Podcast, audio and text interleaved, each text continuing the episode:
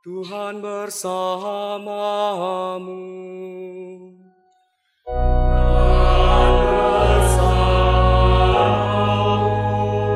Inilah Injil suci menurut Lukas.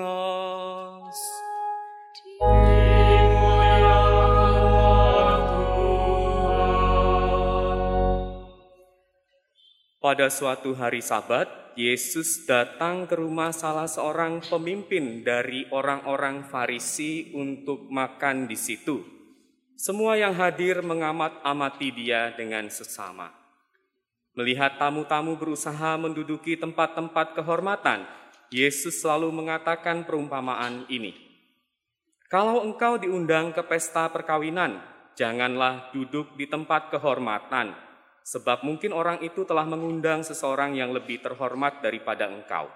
Supaya orang itu yang mengundang engkau dan dia jangan datang dan berkata kepadamu, berikanlah tempat itu kepada orang ini.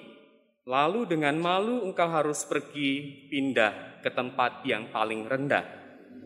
Tetapi apabila engkau diundang, duduklah di tempat yang paling rendah. Mungkin tuan rumah akan datang dan berkata kepadamu, "Sahabat, silakan duduk di tempat yang lebih terhormat." Dengan demikian engkau akan menerima hormat di depan mata semua orang yang makan bersamamu. Sebab siapa saja yang meninggikan diri akan direndahkan, dan siapa saja merendahkan diri akan ditinggikan. Lalu Yesus berkata juga kepada orang yang mengundang dia, "Apabila engkau mengadakan perjamuan siang atau perjamuan malam, janganlah engkau mengundang sahabat-sahabatmu, saudara-saudaramu, kaum keluargamu, atau tetangga-tetanggamu yang kaya, karena mereka akan membalasnya dengan mengundang engkau pula, dan dengan demikian engkau mendapat balasnya. Tetapi apabila engkau mengadakan suatu perjamuan, undanglah orang-orang miskin, cacat, lumpuh, dan buta.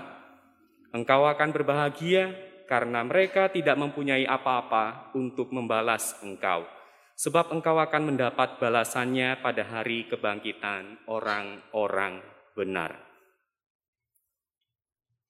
Demikianlah sabda Tuhan.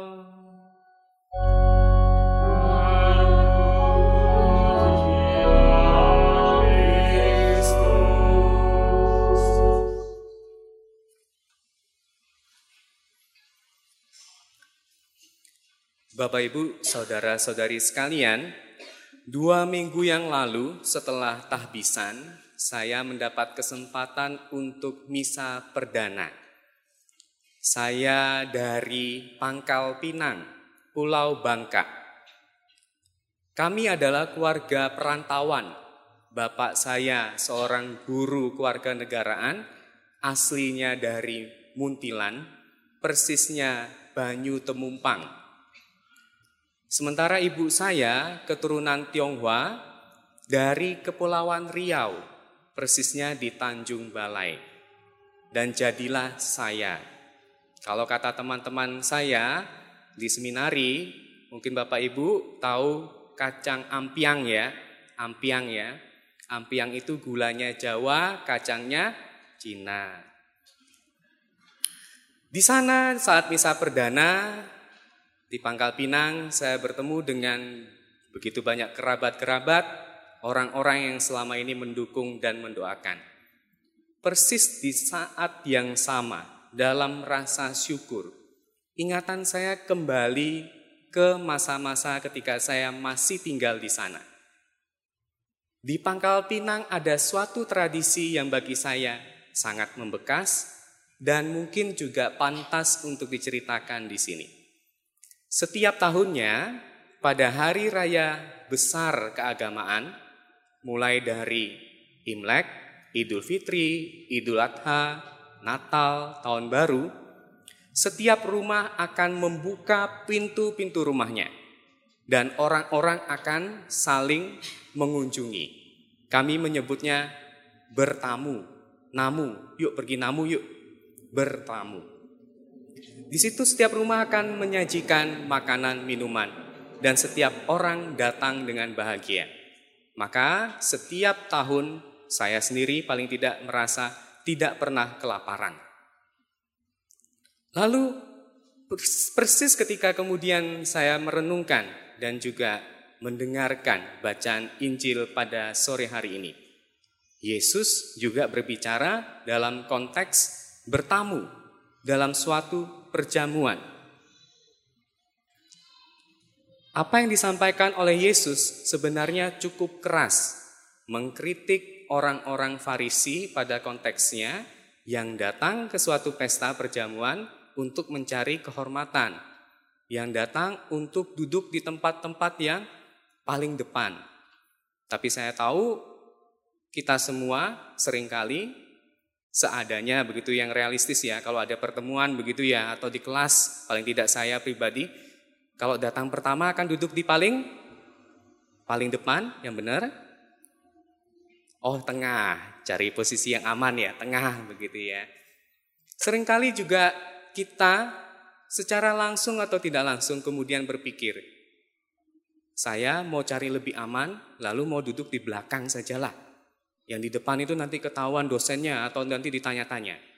Maka kemudian dalam konteks kita sore hari ini, ketika kita mendengarkan bacaan Injil, dan ketika saya kemudian mengingat pengalaman namu bertamu di Pangkal Pinang, yang terpenting ternyata yang hendak disampaikan oleh Injil hari ini bukanlah mengenai posisi, bukan tentang posisi.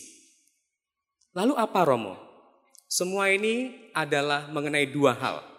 Hal yang pertama adalah intensi. Apa maksud motivasi yang menggerakkanku untuk mengunjungi saudaraku, untuk datang ke rumah orang itu? untuk berjumpa, bertemu dengan saudara-saudariku. Intensi.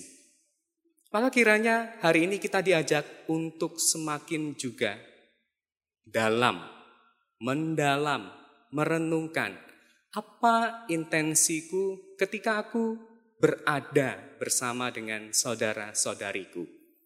Apakah itu sama seperti orang-orang Farisi yang dikritik oleh Yesus hari ini? untuk mencari kehormatan, atau pengalaman yang sederhana. Hari ini saya bersih-bersih kamar, siap-siap pindah, maka saya bersih-bersih kamar di Kolsani. Apa intensi saya bersih-bersih kamar? Apakah hanya supaya, oh Romo Hari ternyata kamarnya bersih begitu, sehingga dipuji? Tidak.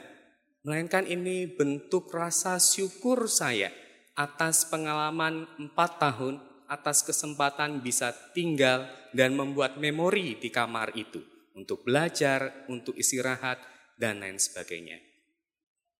Intensi. Apa intensiku pula untuk hadir pada sore hari ini merayakan perjamuan Ekaristi ini? Karena pada sore hari ini kita adalah para undangan. Lalu hal yang kedua, kalau bukan posisi, hal yang kedua adalah relasi. Kita diajak untuk semakin memperluas relasi kita, memperdalamnya. Memperdalam relasi kita dengan siapa? Dengan diri sendiri, dengan orang lain, dengan alam lingkungan, dan juga dengan Tuhan. Relasi bukan mengenai posisi. Jika kita mencari-cari kepentingan diri, maka kita lebih mementingkan kepentingan dan kebutuhan kita sendiri, dan itu memutus suatu relasi. Lantas, pertanyaannya adalah: apa yang paling penting dalam suatu relasi itu? Bapak Ibu pasti pernah mendengar ya, bahwa relasi itu ada tiga suku kata: re, la, dan si.